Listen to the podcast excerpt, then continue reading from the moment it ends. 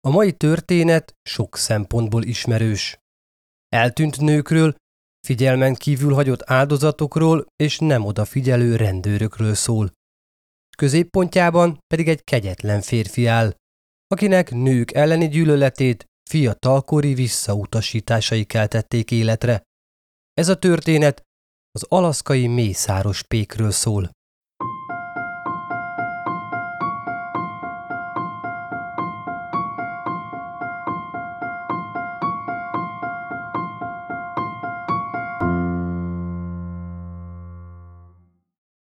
Sziasztok! Szatmári Péter vagyok, és ez itt a Bűntények Podcast. Több hét kiadás után újra itt vagyok, hogy kézen fogjalak benneteket, és elvezesselek titeket az emberi elme legmélyebb bugyraiba. Nem is húzom tovább az időt, ugorjunk fejest a mai, megtörtént bűnesetünkbe. 1983. június 13-ának éjjelén a 17 éves Cindy Paulson, szexmunkás, az alaszkai Anchorage belvárosának egyik utca sarkán várta következő kuncsaftját. Nem kellett sokáig ott állnia. Alig pár perc után egy autó húzódott le mellé, és annak sofőrje 200 dollárt ajánlott neki szolgálataiért. Cindy elfogadta az ajánlatot, és beszállt a férfi mellé az anyósülésre. A kuncsaft félénk és csendesnek tűnt. Megegyeztek, hogy egy közeli parkolóba hajtanak, ahol nyélbe ütik az üzletet. Így is történt. Miközben Cindy kényeztette a férfit, az kezével a lány haját és nyakláncát birizgálta. Úgy tűnt, minden rendben van.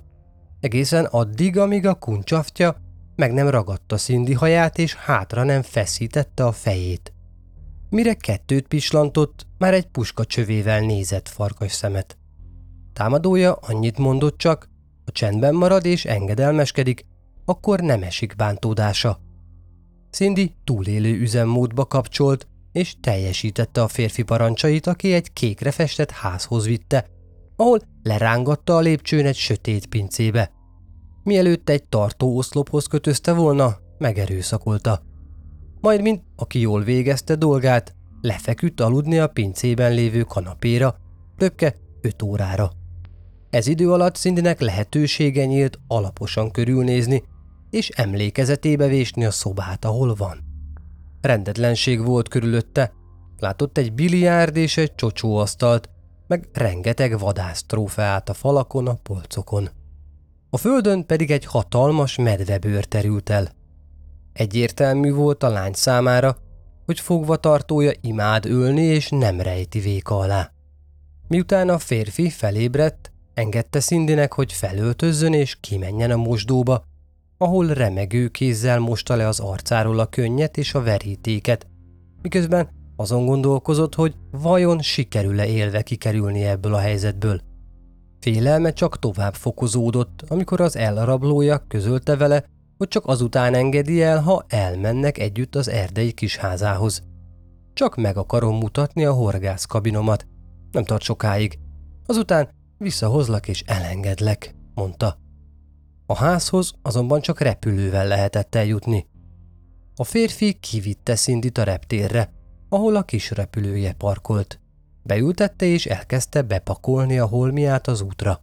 Ekkor a lány fejébe hasított a gondolat, hogyha felszállnak, őt soha többé nem látja viszont senki sem élve.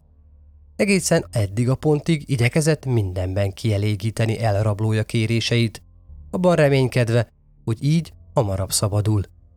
A repülőn ülve, a halál torkában viszont már csak a menekülésre tudott gondolni. Miközben a férfi a csomagokkal volt elfoglalva, Cindy kiugrott a gépből, és teljes erejéből a közeli autóút felé kezdett rohanni. Miután ezt fogva tartója észrevette, üldözni kezdte. Cindy hallotta, hogy léptei egyre közelebb érnek hozzá, de tovább futott az életéért. Talán valamiféle csodának köszönhetően sikerült kijutnia az útra, ahol leintett egy teherautót, aminek sofőrje igencsak meglepődött, amikor a hisztérikus állapotban lévő, megkötözött kezű, félig mesztelen nő mezitláb beugrott mellé, és arra kérte, hogy vigye el a Big Timber hotelbe. A sofőr próbálta erről lebeszélni, és inkább egy közeli rendőrősre vitte volna, de a lány kitartott amellett, hogy a hotelbe vigye, mert ott van a barátja, aki majd segít neki. Így is lett. Ahogy Cindy kiszállt, megmentője a legközelebbi telefonhoz hajtott, és jelentette az esetet a rendőrségem. A saját szemével látta, hogyan a kifutón keresztül üldözött egy férfi, egy megkötözött nőt, és ezt nem hagyhatta figyelmen kívül. A hívását az őrsön Greg Baker fogadta, aki azonnal a hotelhez hajtott, ahol cindy ugyanabban az állapotban, megkötözve, félmeztelenül, hisztérikusan találta. Kiderült, hogy akire várt, nem a barátja, hanem a stricia volt, aki épp a környéket járta, hogy valamilyen szerszámot szerezzen, amivel leveheti Cindy kezéről a bilincset. Békernél volt mesterkulcs, így szinte azonnal meg tudta szabadítani a lányt békjóitól. A felszabadult csuklók Cindy mentális állapotán is segítettek, így már el tudta mondani a rendőrnek, hogy mi történt vele. Részletesen elmesélt mindent. Hogyan néz ki a támadója, milyen a hangja, milyen kocsit vezetett, milyen ruha volt rajta, hogyan nézett ki a ház és a szoba, ahol fogva tartotta. De kitért arra is, hogy elrablójának le volt törve az egyik foga. Pattanásos hegek voltak az arcán és datogott. Miután mindent elmondott, Béker a közeli kórházba hajtott vele egy alapos kivizsgálásra. Az odafelé vezető úton a reptér mellett hajtottak el, ahol épp egy kis gép szállt fel, mire Cindy felkiáltott, hogy az az ott, az az a gép, ő az. Béker szólt kollégáinak, akik azonnal visszaparancsolták a járművet. Sajnos, ahogy az földet ért, kiderült, hogy nem az a gép, csak nagyon hasonlít arra, amire elrablója feltuszkolta Szindit. A földön viszont megtalálták a keresett gépet is, már csak a tulajdonosát kellett felkutatniuk. Mindeközben a kórházban alaposan megvizsgálták a lányt, és mindent kizáró módon megállapították, hogy nemi erőszak áldozata lett. A testében talált sperma és a csuklóin látható kötözésnyomok arra késztették a rendőrséget, hogy minél hamarabb megkeressék a támadásért, az erőszakért és az elrablásért felelős szemét. Viszonylag gyorsan sikerült is a nyomára akadniuk, ugyanis a kisgép a saját nevére volt regisztrálva. A tulajdonos házához kiérkező járőrök pedig egyből felismerték a Cindy által leírt kék rencs stílusú épületet a garázsajtó feletti szarvas agancsal. Sőt, az ajtó mögül előlépő férfi is megszólalásig megegyezett a lány által leírtakkal. Robert Hansenként mutatkozott be, aki az egyik helyi pékség tulajdonosa. A rendőrök kérésére velük tartott az ősre kihallgatásra, ahol természetesen kategórikusan tagadta, hogy bármi köze lenne Cindy elrablásához és megerőszakolásához. Sőt, még alibivel is szolgált a rendőröknek a kérdéses időszakra. Állítása szerint azon az estén repülőgépe ülésen dolgozott egy barátjával, majd később átment egy másik cimborájához egy sörre. Miután megitták és megbeszélték a következő horgásztúrájuk részleteit, visszament a reptérre, hogy befejezze a gépe ülésének javítását. A rendőrség mindkét említett barátot megkereste, akik igazolták Robert állításait. Ráadásul az alibit adó barátok nem is akárkik voltak, hanem megbecsült tagjai a helyi közösségnek. Nem csak, hogy megerősítették Robert alibiét, de a jellemét is olyannak írták le, mint aki semmiképpen sem lenne képes egy ilyen büntényt elkövetni. Megbecsült helyi vállalkozó, családapa, szép házban él és mindent összevetve, pontosan olyan ember, akire mások felnézhetnek. Ezen felül Robert beleegyezett, hogy átvizsgálják a házát és az autóját is, ami nem csak hogy pontosan megfelelt a Cindy által leírt modellnek, de még a csoki papír is ott volt az ülésen, ahol azt a lány leírta. A házzal is ugyanez volt a helyzet. Bár Cindy mindent pontosan elmondott, és a leírása szinte minden ponton egyezett a valósággal, a rendőrök nem találtak semmilyen fizikai bizonyítékot sem, ami alátámasztotta volna az emberrablást és az erőszakot. A ház alaksorában megtalálták a nő által említett tartóoszlopot, amihez Robert állítólag kikötözte, azonban az nem pont úgy nézett ki, mint a leírásban. Nem voltak rajta azok a rögzítési pontok, ahová láncot lehetett volna beakasztani. A házban nagy mennyiségű fegyvert is találtak, de ez azért nem volt olyan meglepő egy vérbeli vadásztól. Itt is ellentmondásba futottak a vallomással kapcsolatban. Cindy állítása szerint a férfi egy fa markolatú 357-es magnummal tartott a sakban, amilyet tacára a sok fegyvernek nem találtak Robert otthonában. A házkutatás felemás eredménye miatt a rendőrségen belül megoszlottak a vélemények azzal kapcsolatban, hogy vajon tényleg erőszak történt, és nem csak valami trükközésről van szó. Cindy szakmája miatt voltak, akik feltételezték, hogy Cindy és a stricie be akarták húzni Robertet a csőbe, de az nem sikerült, ezért találták ki az egész elrablást. Vagy Robert egyszerűen csak valamiért nem fizetett a lány szolgáltatásaiért, mire az kitalált egy történetet, hogy a pasia ne kérje rajta számon a kiesett bevételt. Biztos, ami biztos, hazugságvizsgálatnak akarták alávetni Szindit. Összefoglalva, a félmeztelenül megbilincselve talált nőt először alaposan kivizsgálták. Mintát vettek tőle, hogy megállapítsák, megerőszakolták-e. A vizsgálat eredménye pozitív lett. Majd ezek után nem a feltételezett elkövetőt, hanem az áldozatot akarták hazugságvizsgálatra citálni. Viszont mire újra fel akarták keresni a lányt, hogy tovább faggassák, az eltűnt. Cindy Paulson és Stricie, ahogy meghallották, hogy további kérdezősködésre akarják visszahívni a lányt a rendőrségre, eltűntek a városból, amilyen gyorsan csak tudtak. Nem igazán szerettek volna több kapcsolatot létesíteni a törvény embereivel, főleg azért, mert Cindy voltak éppen még kiskorú volt. Ez nem volt szokatlan akkoriban Anchorage-ben. A lánynak 17 évesen elég volt szexmunkásként keresnie a kenyerét, nem tartott igényt még arra is, hogy a rendőrök tovább faggassák.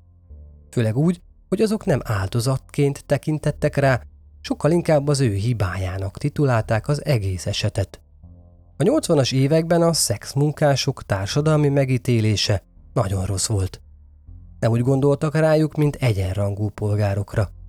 Nem is véletlen, hogy ez az időszak több olyan sikeres soroslatgyilkost is felnevelt, akik áldozatai nagy részben a társadalom ezen marginalizált rétegéből kerültek ki. Ilyen például Robert Picton, aki 49 hasonló helyzetben lévő nővel végzett. Kanadai férfi egyébként a disznó farmi gyilkosként híresült el. Persze ez nem kifogás, csak egyszerűen hozzá tartozik a kórképhez, amin keresztül könnyebb megérteni, hogy miért is viselkedtek Szindivel ellenségesen a nyomozók. Nem is beszélve arról, hogy támadójának Robertnek az alibiét ketten is megerősítették, és mind a ketten, na meg persze Robert is a társadalom megbecsült tagjai közé tartoztak. Ezen felül pedig nem is igazán találtak olyan fizikai bizonyítékot, ami alátámasztotta volna Cindy hátborzongatóan részletes vallomását. Arról nem is beszélve, hogy minden, amit leírt, egyezett a valósággal. Az ügyész nem tartotta elegendőnek az összegyűjtött anyagot, hogy vádat emeljen Robert ellen. Így ennek köszönhetően a rendőrség dobta az ügyet. Dobta, de nem zárta le teljesen. Ugyanis Robert előélete nem volt olyan tiszta, mint ahogyan azt egy tisztelet teljes helyi vállalkozótól elvárná az ember. 12 évvel Cindy elrablását megelőzően Robertet nemi erőszakkal vádolták meg. És annak ellenére, hogy egy félmeztelen, megbirincselt kezűnő az autópálya szélén azt állította, hogy újra megtette, senkinek sem jutott eszébe, hogy a kezdetektől fogva gyanakvó szemmel nézzen Robertre. A két barátja Igazolt neki mindent, és kész. Persze a sáros múltat nem Cindy eltűnését követően fedezték fel a rendőrök. Az ott volt végig a férfi kartonjában. Akkor is, amikor kitalálták, hogy a nőt kellene hazugságvizsgálat alá vetni, és nem Robertet. A 12 évvel korábbi esetről ráadásul tudták, hogy ijesztően hasonlóan zajlott le. Az az ügy eljutott a vádemelésig, de a tárgyaláson vádalkut kötöttek, és az emberrablás vágyját ejtették, cserébe azért, hogy Robert bűnösnek vallja magát a nemi erőszak vonatkozásában, tetteiért végül fél évet kapott. Mindösszesen hat hónapot, mielőtt egy javító intézetbe került volna, ahonna nem sokkal később szabadon távozott. De ha mindez nem lenne elég Robert profiljához, a szűrő városában korábban hosszabb ideig is ült börtönben, miután felgyújtott egy motorbiciklit, amiatt 23 hónapot töltött el az árkában. Szinti elrablását megelőzően pedig nem sokkal bolti lopáson kapták, amikor is egy motoros fűrészt szeretett volna magával vinni, fizetés nélkül. Egy szóval Robert nem volt ismeretlen a rendőrök számára, annak ellenére, hogy becsületes vállalkozó hírében állt, és sokan ismerték a pékségén keresztül. A nyomozás ballépései ellenére az Encourage rendőrség úgy határozott, hogy az ügy lezárását követően továbbítja az aktát az alaszkai állami nyomozóhivatalnak, ahol egy prostituáltak ellen elkövetett gyilkosság sorozaton dolgoztak éppen. Hogy pontosan miért tették ezt, azt nem tudni. A legvalószínűbb forgatókönyv erre az észszerű lépésre egy teljesen észszerűtlen nyomozást követően az lehetett, hogy a sokkos állapotban lévő szindit először kihallgató rendőr mindvégig meg volt győződve arról, hogy a horror, amit a lány átélt, valóságos volt. Minden esetre valamilyen módon összekapcsolták az incidenst egy sokkal nagyobb nyomozással. A 70-es és 80-as években a köztudatba berobbanó olajkitermelés lehetősége sok embert vonzott Alaszkába, főleg olyanokat, akik gyors meggazdagodásban reménykedtek, vagy csak újra akarták kezdeni az életüket. Az odaérkezőknek pedig a létszámukkal együtt a szórakozás iránti igénye és kereslete is megnőtt. A kínálat pedig szépen ehhez kezdett igazodni – olyannyira, hogy a Cindyhez hasonló lányokat aktívan toborozták táncos női állásokba, amik valahogyan mindig szexmunkába végződtek. Az Alaszkába érkezők nagy része pedig nem maradt ott sokáig. Csak jött, élvezte kicsit a helyzetet, vagy éppen másokat segített élvezetekhez jutni, majd továbbált. Pontosan ezért sokáig egyáltalán nem szúrt szemet, ha egy prostituált eltűnt. Ez egészen a 80-as évekig tartott, amikor is a rendőrség valamilyen mintázatot kezdett el észrevenni az akkorra már egyértelműen kiemelkedő eltűnések mögött. Striptease táncos lányok és prostituáltak tűntek el, miután valaki nagyobb összeg fejében felbérelte, vagy csak elhívta őket egy fotózásra, vacsorára. Azonban a rendezvúk után már sosem kerültek elő. Idővel pedig a családtagok és a barátok jelenteni kezdték ezeket az eseteket. A rendőrség természetesen a kor szellemének megfelelően nem igazán foglalkozott eleinte az ügyekkel. A szemükben olyan emberekkel történtek ezek, akikért nem volt kár, vagy legalábbis nem érte meg nagy erőfeszítéseket tenni a megtalálásuk érdekében. Veszélyes életet éltek, sokszor drogoztak, és összességében az erőszak benne volt abban a pakliban. Különben is, ha tényleg valamilyen erőszakos bűncselekmények áldozatai lettek, akkor majd erőkerülnek, ha elolvad a hó. Mondhatni eldobható tárgyként tekintettek rájuk. Egészen addig, amíg egy sekés sírhandban elföldelt női csontvázra nem bukkantak az ősi Eklutna faluban. Sajnálatos módon a nőt a mai napig nem sikerült azonosítani, ezért csak Ekludnai Eniként emlegetik. Ennek ellenére az emberek figyelmét felkeltette, sőt aggodalomra adott nekik okot az, hogy már nem csak eltűnt nőkről lehetett hallani, hanem egy női csontvázról is. Ugyanebben az évben, kicsivel később, Joanna Messina részlegesen eltemetett, oszlásnak indult holteste került elő, amit már a vadak is csúnyán helyben hagytak. Eközben a nők eltűnései tovább folytatódtak. Olyanoké, akikét jelentették, és jó eséllyel olyanoké is, akikét nem.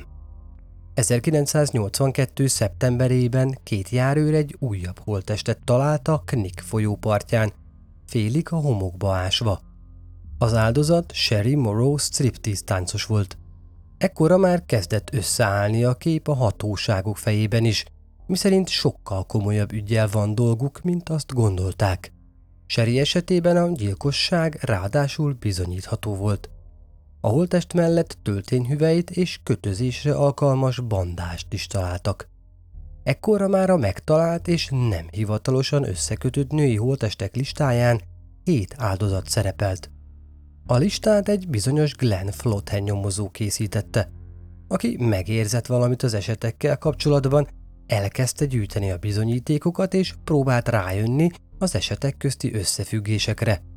Amikor Cindy aktája Glenn asztalára került, az első gondolata az volt, hogy ez az. Erre az áttörésre vártunk eddig.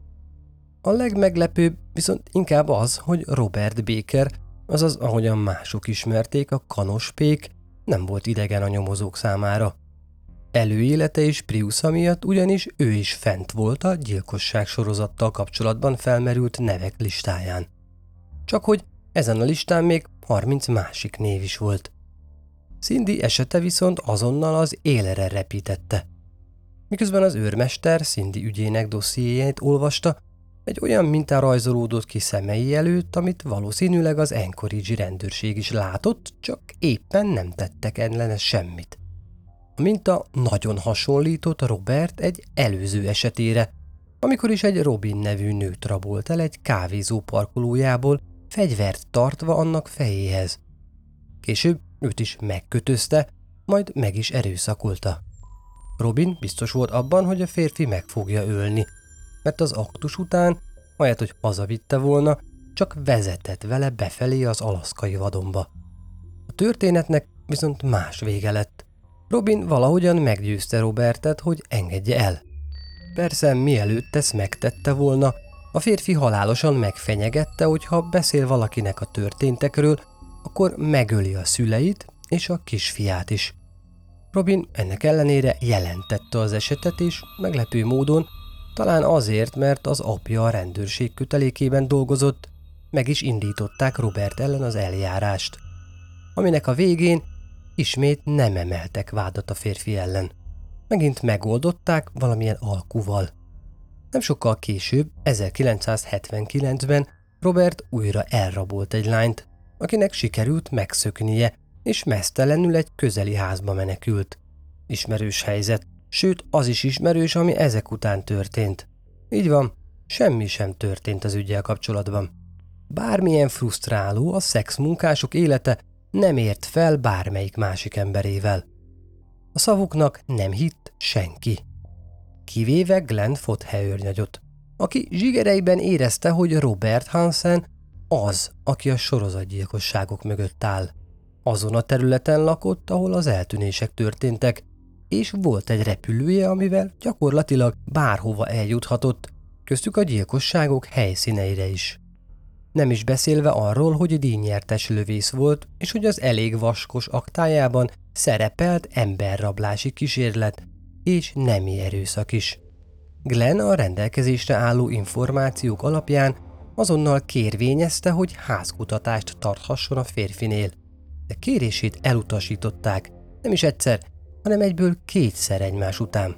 Ő viszont ahelyett, hogy a bürokrácia kerekét forgatta volna tovább, kezébe vette a dolgokat, és olyan irányban folytatta tovább, ami mélyebb betekintést adott neki az ügybe. Glenn Flothep felhívta az FBI viselkedés kutatási részlegét, és tőlük kért segítséget, amit meg is kapott.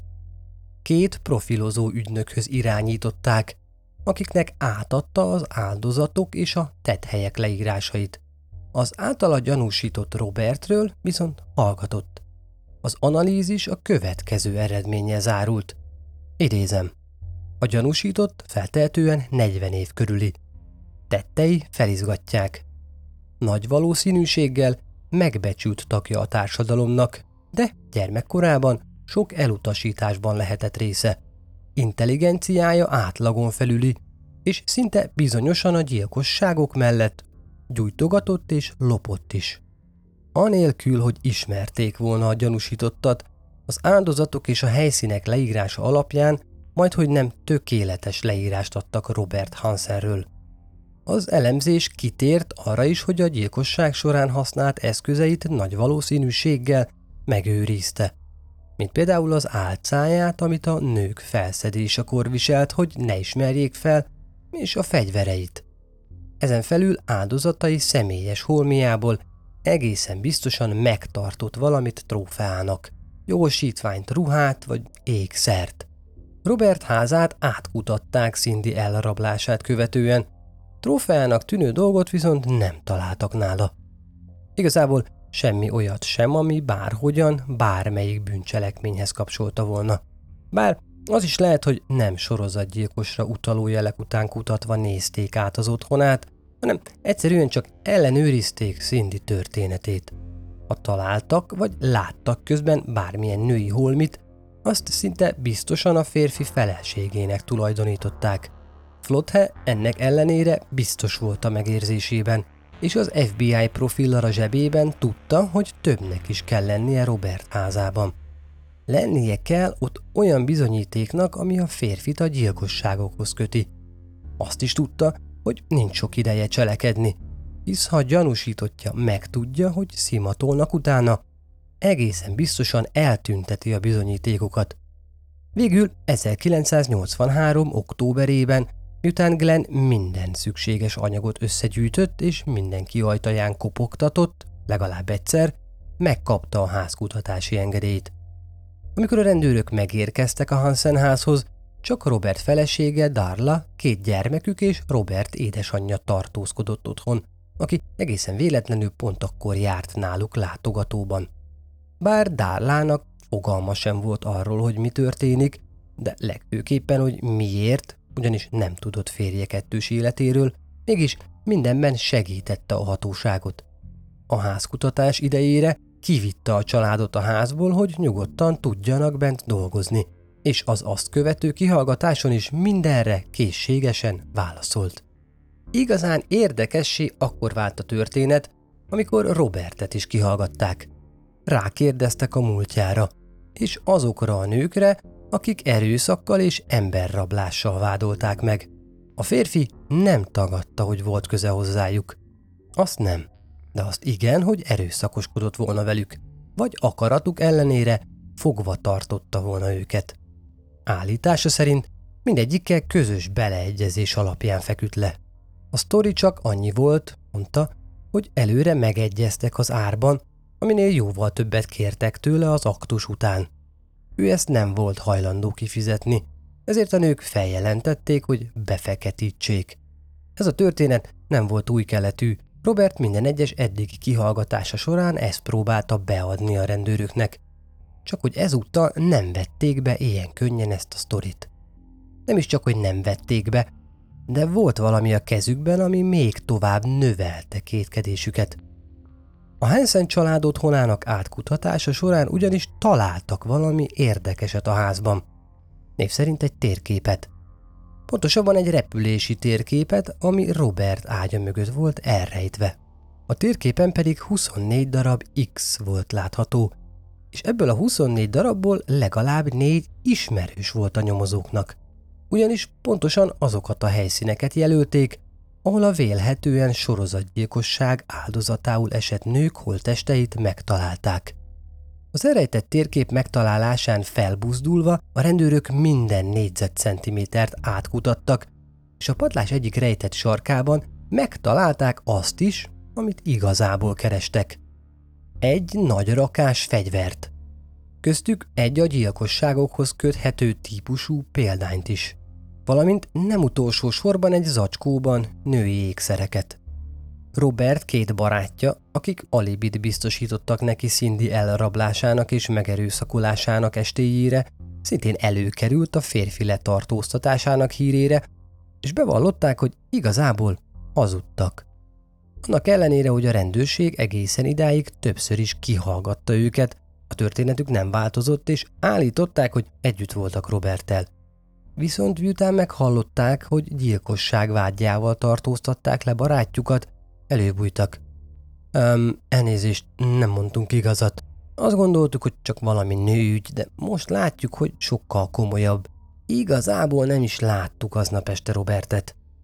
Az új vallomások alapján újból megvádolták a férfit erőszakkal, emberrablással, rablással és biztosítási csalással. Mondjuk a biztosítási csalás nem éppen gyilkosság. Ez egy mellékszál.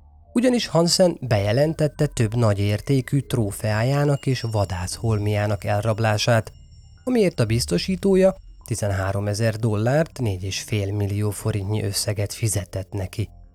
Csak hogy az alapos házkutatás során azokat is megtalálták, egytől egyig a pincében, elrejtve. Már a vádak közt maga a gyilkosság nem szerepelt, az azokkal kapcsolatosan megindult vizsgálat elegendő időt teremtett arra, hogy alaposan felépítsék Robert Hansen ellen a további vádakat, köztük a gyilkosságokét is. Az első tárgyalását csak 1984. februárjára tűzték ki, és bizonyíték most már akadt bőven. Ott voltak az X-ek a térképen, amik egybeestek a meggyilkolt nők holttesteinek megtalálási helyszínével. A talált ékszerek közül párat sikerült az egyik női áldozathoz kapcsolni, illetve a balisztikai vizsgálat bebizonyította, hogy a Knik folyó partján megtalált holttest mellett heverő töltényt Robert egyik rejtegetett fegyveréből lőtték ki. De még mielőtt eljutottak volna a tárgyalásig, a férfi ügyvédje felhívta a hatóságot, miszerint Robert hajlandó beszélni. 1984. februárjának közepén Robert Hansen magához hívatta a nyomozókat, hogy hajlandó beismerni a Cindy ellen elkövetett büntettet. Azaz, hogy fogva tartotta a házában, fegyverrel fenyegette és megerőszakolta. Gondoljunk csak vissza arra, hogy az első házkutatás során erre semmilyen bizonyítékot sem találtak, sőt, kiemelték, hogy a tartóoszlop nem is tűnt olyan darabnak, amihez ki lehetne bárkit is láncolni. Nagy valószínűséggel Robert, ahogyan szem elől veszítette a menekülő szindit a reptéren, hazahajtott és eltüntetett minden nyomot, köztük az oszlopból a rögzítő csavarokat és a láncot is. Így amikor megérkeztek a rendőrök hozzá, már felkészülten várta őket. Mint utóbb kiderült, a nyomozók rákérdeztek az oszlopon lévő lyukakra, amit Robert annyival intézett el, hogy na, csak poénból belelőtt, de ki fogja javítani. És ezt el is hitték neki, legalábbis akkor. Nem azért voltak ott, hogy vegzálják a férfit, hanem csak azért, hogy egy prostituált történetét ellenőrizzék. Sajnos itt is újból visszaköszön az akkori szellem és hozzáállás. Végül Robert Cindy történetének beismerése után még 17 másik gyilkosságot vallott be. Elmondása szerint áldozatai mind átutazó, általában a szexiparral valamilyen kapcsolatban álló 20-as éveik elején járó nők voltak. Elkövetési sémája ugyanaz volt. Kiszemelte a lányt, majd odament hozzá, hogy elhívja magával vagy magához. Ez nagyjából annyit jelentett, hogy pénzt ajánlott neki a szolgáltatásai fejében. Robert pedig külsőre egyáltalán nem tűnt ijesztőnek. Sokkal inkább az átlagosnál félénkebb, dadogós férfinek.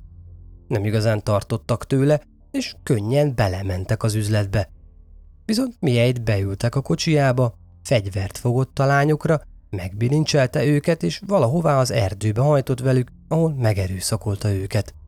Miután végzett, elhitette velük, hogy elengedi őket, hogy rövid kis repülőútra vele tartanak a horgász kabinjához.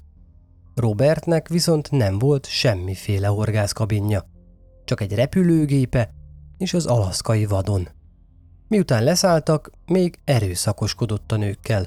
Az is előfordult, hogy betört egy-egy házikóba Knik folyó mentén. Áldozatainak igyekezett lehetőséget adni arra, hogy megpróbáljanak elszökni tőle, akik ezt meg is próbálták. Robertnek ekkor csillant fel igazán a szeme. Díjnyertes lövő és vadász létére mit sem élvezett jobban, mint üldözni a vadat. És bármilyen hátborzongatóan is hangzik, a nőkkel is ugyanezt csinálta. Szó szerint levadázta őket, mint az állatokat. Ezért érte sokukat hátulról a végzetes lövés. Valomása során az indítékáról is beszélt, miszerint gyermekként és fiatal felnőttként is rengeteg visszautasításban volt része a nők részéről. Középiskolásként, telepattanással és dadogva végképp nem volt szerencséje. Az elrabolt és megerőszakolt nőkön keresztül tudta csak visszaszerezni az olyannyira vágyott kontrollt felettük. Pont úgy, mint az FBI által készített profilban. Itt jegyezném meg, hogy érdemes újra nézni a Netflixen a Mindhunter című sorozatot, ami az FBI profilozó részlegének izgalmas történetét meséli el. Ahogy szemtől szembe ültek a kihallgatók Robertel, 12 év emberrablás, nemi erőszak és gyilkosság után tisztázódott előttük, hogy a férfi számára összesen két típusú nő létezett, a jó és a rossz. A jó nők közé tartozott a felesége és barátai feleségei. A rosszak ködé pedig azok a romlott nők, akik pénzért kínálták idegen férfiaknak magukat. Most nem fogok kitérni a kereslet kínálat ördögi körére, csak annyira, hogyha nem lenne igény magukat áruló nőkre, akkor nem lennének ilyen szakmák. A rossz nők pedig nem számítottak a szemében embernek, csak eldobható árucikkek voltak.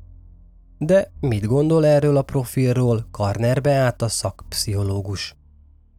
Attól, hogy valaki serdülőkorában kevésbé vonzó külsővel rendelkezik, vagy bármilyen testi fizikai fogyatékossága van, még nem lesz szerencsére törvényszerűen sorozatgyilkos. Robert családi hátteréről keveset tudunk. Például, hogy szülei mennyire kompenzálták a társas sikertelenségeit. Mennyire biztosították feltétel nélküli pozitív elfogadásukról, és mennyire öntöttek bele önbizalmat. Mindezekkel nagyon sokat lehet kompenzálni akkor is, ha a kortársak megtépázzák a serdülő önbecsülését. Számos olyan példa van, akár színészek, akár sportolók, akik éppen hátrányos fizikai adottságaik miatt küzdöttek még kitartóbban, bizonyítási vágyuk hajtotta őket egészséges társaiknál is intenzívebben, és végül sikeresebbnek bizonyultak kortársaiknál. A fenti életút során sajnos pont nem ez történt. Robertnek sikerült ugyan a felnőtt társadalmi szerepeinek megfelelően normális karriert befutnia, családot alapítania, volt hobbija, voltak társas kapcsolatai. A beszámolóból például nem derült ki, hogy feleségét gyermekeit bántalmazta volna. Szexuális karrierje azonban megfenek lett, hiszen ezen a területen szenvedte el feltehetően a legnagyobb sérülést. Robert nem tudott egészségesen kijönni ebből a múltbéli helyzetből, így élmény és indulat feldolgozására jellemző volt a hasítás. Ez egy olyan elhárító mechanizmus, amikor az ego úgy védekezik az elviselhetetlen ellen, hogy a dolgokat vagy feketének, vagy fehérnek látja. Az emberek, lásd a nők, vagy jók, vagy rosszak. Egy konkrét személyben sem tudja integrálni gyakran annak jó és árnyoldalát. Tehát vagy szereti, vagy gyűlöli, ami egyik pillanatról a másikra is változhat. Feltételezhetően a felesége, anyja, egyéb nőrokonai az idealizált oldalon voltak, a sötét oldalon pedig azok a nők, akiket eszközként használt, és akik iránt nem táplált tiszteletet. Ahogy Peti is fogalmazott, a rosszak egyértelműen a romlott nők, akik előhívták korábbi sérelmeit, amikor piszkálták, lelkileg megnyomorították, és a kudarc élménye társult hozzájuk. Trófákat gyűjtött bosszúvágyból, tárgyasította a nőket, velük szemben érzéketlen maradt. A teljes játszma része volt a szexuális játékának, a becserkészéstől az üldözésig. Mivel bevallotta a bűntényeket, közreműködött a helyszínek felfedezésében, mintha még ez is büszkeséggel töltötte volna el, és az egóját fényezte, hiszen a rendőrség előtti saját maszkulinitását reprezentálta. A serdülők, illetve fiatal felnőttek énképét nagy részben befolyásolja már vonzerejük, szexuális sikereik. És itt nem a konkrét aktusra kell gondolni pusztán, hanem arra, hogy milyen visszajelzéseket kapnak a számukra figyelemre méltó személyektől. Hatok-e én, mint fiú vagy lány? Tudok-e figyelmet felkelteni? Keresik-e a társaságomat? A szülőknek nehéz dolga van, hiszen ezeket a sikereket a gyermek kortársai között tudja megszerezni. Az ad neki sikerélményt. A szülői felelősség szempontjából lényeges, hogy biztosítsunk, szervezzünk olyan közösséget, programot, ahol a tini ki tud bontakozni, ahol az ő adottságaihoz mérten kap figyelmet, elismerést. Elég sokszor egyetlen tartalmas, fiatalkori kapcsolat, ami utat nyit egy egészséges fejlődés felé. Jól megmutatkozik a két Robert közötti hasonlóság. Úgy értem Robert Hanson és Robert Picton, a mészáros pék és a disznófarmi gyilkos között. Mindketten a rendőrség orra előtt ténykedtek, mind a két férfi fent volt a gyanúsítottak listáján. Nem utolsó sorban Mindkettőjüket letartóztatták korábban hasonló erőszakos bűncselekményekért. Érdemes hát belegondolni, hogy hány női életet lehetett volna megmenteni, ha már akkor megállítják őket. Picton 49 gyilkosságot vallott be, Robert pedig 17-et. Ezek elképesztő számok. Jogos lehet a kérdés, hogy akkor miért volt 24x a térképém? A rendőrség természetesen ennek is utána járt. Végig látogatta az összes megjelölt helyet, sőt Robertet is magukkal vitték, ugyanis egy-egy X több négyzetkilométert is magába foglalt, és a kanadai vadonban sokszor nagyon nehezek a terepviszonyok. Robert pedig segített nekik leszűkíteni a keresési területet. Április 24-én a nyomozók további két nő holtestét találták meg így. A 23 éves Sue Lunájét és a 25 éves Mali Larsenét. A következő napon a 20 éves Delin Freyre bukkantak rá, egy nappal később pedig a 22 éves Teresa Watsonra és a 24 éves Angela Federre. Az utolsó két holtestet április 29-én és május 9-én fedezték fel. Név szerint a 24 éves Tamara Pedersont és a 41 éves Liza Futrelt. Mindegyik test Robert kedvenc vadászterülete környékén volt elásva. Végül négy nő meggyilkolásával vádolták meg, amiből mind a négyben bűnösnek vallotta magát, és ezen felül beismert még 13 továbbit, illetve 30 nemi erőszakot is.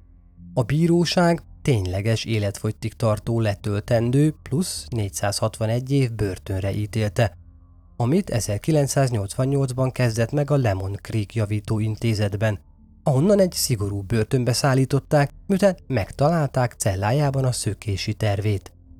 A felesége elvált tőle, fogta a két gyermekét, távol költözött Alaszkától és néhai férje kísértő emlékétől, aki 2014-ben 75 évesen halt meg. Sokak szerint a sírba vitt még ki tudja mennyi eddig fel nem fedezett áldozatot és nevet. Nekünk viszont nem feladatunk, hogy ráemlékezzünk. Sokkal inkább az, hogy az áldozataival kapcsolatban tegyük ezt. A világunk jobb nélküle. Pont. A részben közreműködött Karnerbe át a szakpszichológus, a szöveget pedig Mentő Anna könyves blogger lektorálta. A következő epizódban találkozunk. Addig is, sziasztok! Ha más podcastekre is kíváncsi vagy, hallgassd meg a Béton műsor ajánlóját. El tudod képzelni, hogy a podcastet, amit éppen most hallgattál, fél év múlva már a mesterséges intelligencia generálja? Mi sem. De ha érdekel, eljötte már a gépek lázadása. Hallgass bele az Embertelen podcastbe. Orsós Lajos vagyok, a műsor házigazdája. Egyelőre még élőben. Egyelőre. Fedezzük fel együtt, hogyan ismerkedik, randizik, mesél és vitatkozik Betty és Péter, két teljesen mesterséges intelligencia. Lajos, a podcast címét mond még egyszer, Léci. Oké. Okay. Embertelen podcast. Ez a műsor a Béton közösség tagja.